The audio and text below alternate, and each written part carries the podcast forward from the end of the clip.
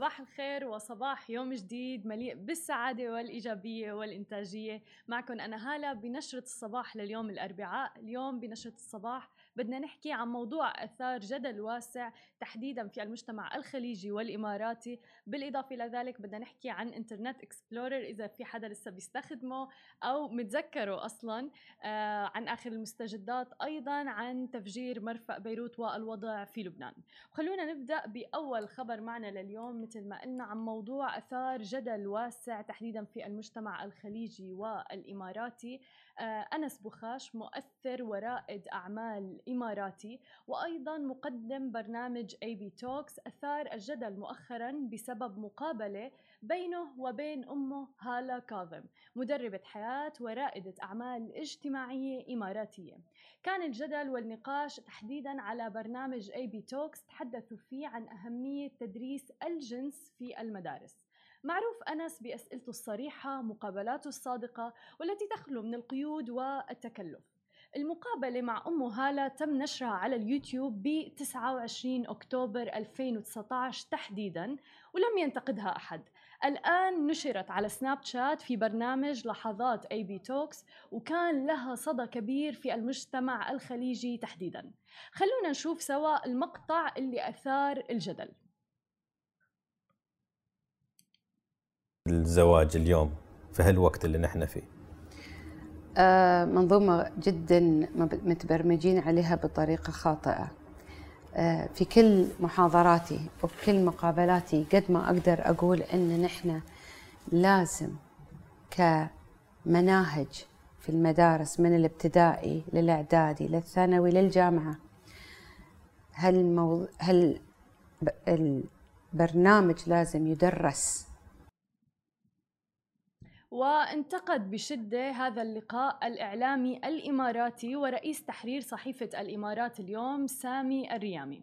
وقال الغريب أن السيدة كانت تطالب بذلك في حوار مفتوح يبثه ابنها لذلك كنت أتمنى أن تعطينا فكرة عن كيفية تطبيق هذه الثقافة في بيتها وعلى أبنائها. وما الوسيلة اللي استخدمتها لتزويدهم بمعلومات ومواد ثقافية خاصة بالزواج والجنس وهل تعتقد أنه مثل هذا الطرح المتحرر جدا والذي يناسب الدول والثقافات الغربية من الممكن تقبله في مجتمع الإمارات وعلى الهواء مباشرة أيضا وبشكل علني أليس في ذلك انتهاك واضح لعادات المجتمع وطبيعته والثقافة العامة السائدة فيه؟ طبعا سامي الريامي يرى أن هذا التحرر الزائد عن حده يضر المجتمع أكثر من أن يفيده. طبعا الموضوع أثار جدل واسع في المجتمع الخليجي وتحديدا الإماراتي وتداوله الناس عبر مواقع التواصل الاجتماعي وأيضا جروبات الواتساب. وانقسم الموضوع بين قسم متحفظ لعادات وتقاليد المجتمع وأيضا إلى قسم آخر متحرر يؤيد الفكرة لعدة أسباب ومنها ارتفاع حالات الطلاق وأيضا التحرش الجنسي في العالم العربي التي برأي البعض أنها ستقل عند توعية شباب وبنات المجتمع عن الجنس والزواج والطلاق. أنتم خبرونا هل أنتم مع إضافة مادة الجنس أو الزواج والطلاق إلى المناهج الدراسية فعلا؟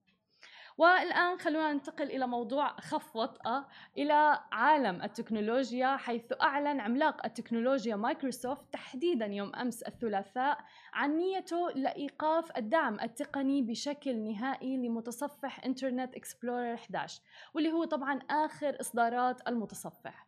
وذلك رح يكون بيوم 17 أغسطس 2021 الشركة أوضحت في مدونتها الرسمية أنه عملية إيقاف الدعم الفني للمتصفح الشهير ستبدأ يوم 30 نوفمبر المقبل ولكنها ستستمر لبعض الوقت عبر مجموعة تطبيقات 365 بما فيها مايكروسوفت أوفيس أيضاً.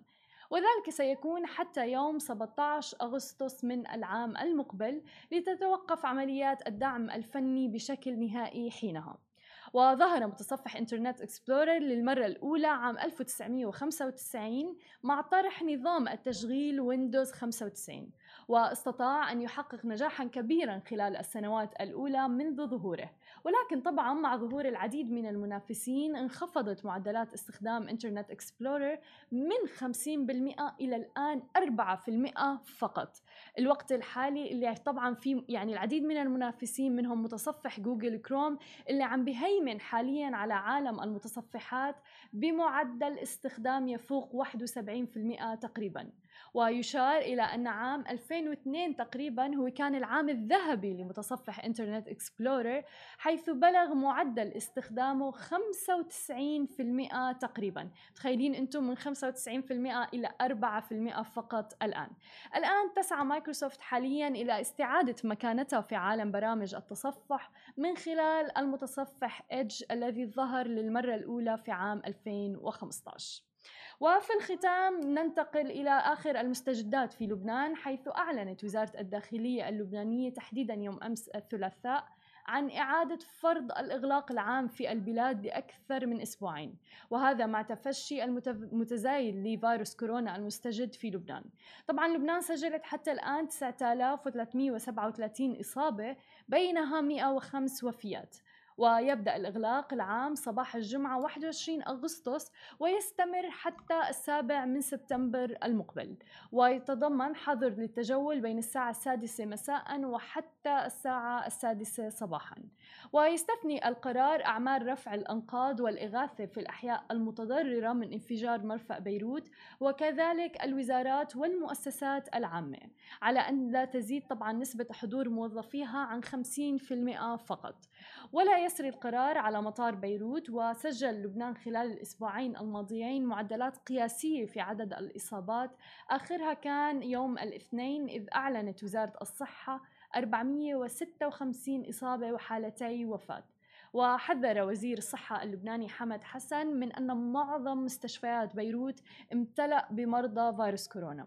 وأعلنت السلطات نهاية الشهر الماضي إغلاقا مؤقتا على مرحلتين بعد ارتفاع أعداد الإصابات.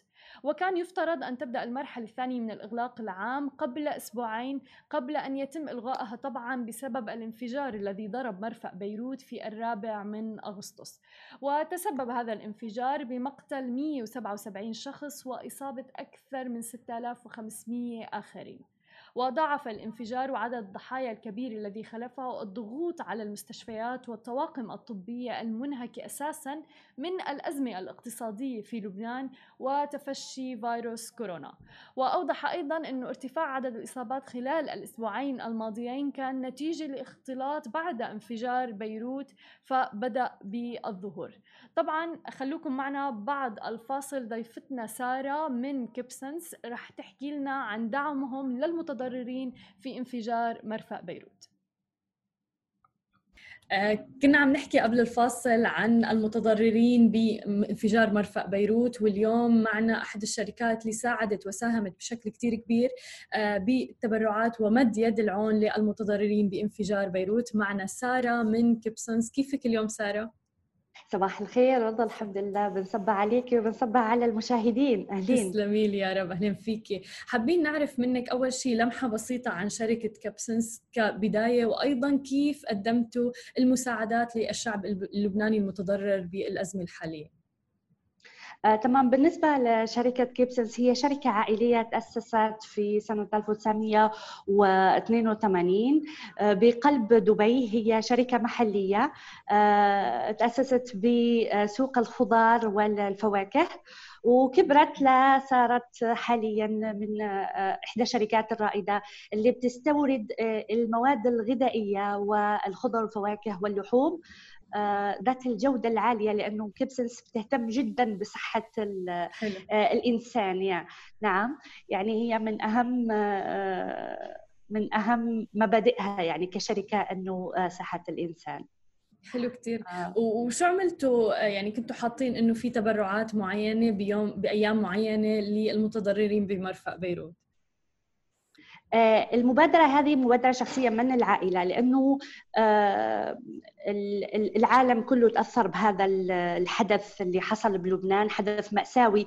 يعني راحوا ضحيته كثير ناس ومن آه، موتى ومن مجروحين وخلى أثر نفسي بالغ في نفوس اللبنانيين. إحنا المبادرة اللي قمنا بها هي مبادرة إنسانية بحتة بتنم عن روح إنسانية. قدمنا 5% من مبيعات التوصيل المنزلي آه، للصليب آه، الأحمر اللبناني. لخلال يومين هذه الأرباح ليومين من 12 إلى 14 آه، من شهر أوغست. لنساعد ولو بطريقة بسيطة ولا ندفع بالأمل في نفوس اللبنانيين لأنه فعلا يعني الوضع كان كارثي. فعلا فعلا. كلياتنا تاثرنا فيه، كيف شفتوا الصدى من الناس والمستهلكين على هي المبادرة؟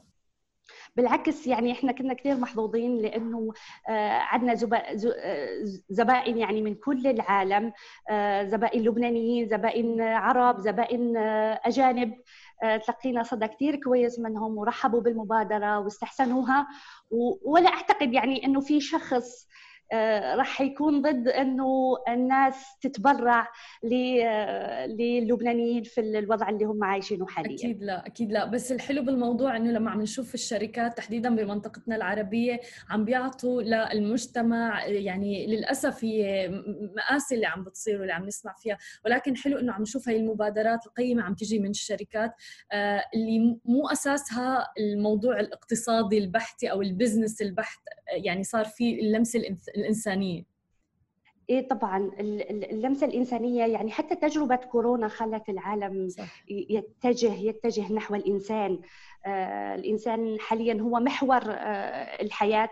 لازم المفاهيم تتغير ولازم نفهم إنه آه، السلام والمحبة والمساعدة هي اللي راح تخلي الإنسان اقتصاديا راح يكون أحسن بكثير طبعا كشركة يعني ككيبسنس اللي تصبح كمان على الجميع. الدعم اللي حبينا نقوله هذا الفرصة للحديث عن المبادرة اللي قمنا بها والتبرع المادي البسيط اللي حاولنا نساعد به الناس اللي على الأرض بلبنان. آه، هي حديث آه، للتعبير عن مشاعرنا وأن بالقلب مع لبنان ولإعطاء أنه الحياة لسه بخير وأنه في ناس إيه نعم أنه في ناس بتتأثر وأنه ما في فقط الشر وفي القتل وفي الموت في ناس كمان بتحب وبتحاول تساعد بجميع يعني الأساليب اللي بتقدر عليها. فعلا هي من الأمور اللي كثير كثير بتبث روح الأمل فينا لسبب أنه عملنا يعني مقابلات مع شركات ناشئة كلهم عم بيقدموا يد العون للبنان فيعني شيء رائع جدا لأنه الواحد بيطلع أنه لسه الدنيا بخير. يعني الأمور تمام. كل تمام الشكر لك سارة ولوقتك وكل التوفيق لكم آه لشركة كيبسنز. شكرا كثير لك شكرا يعطيك العافية. مع السلامة شكرا.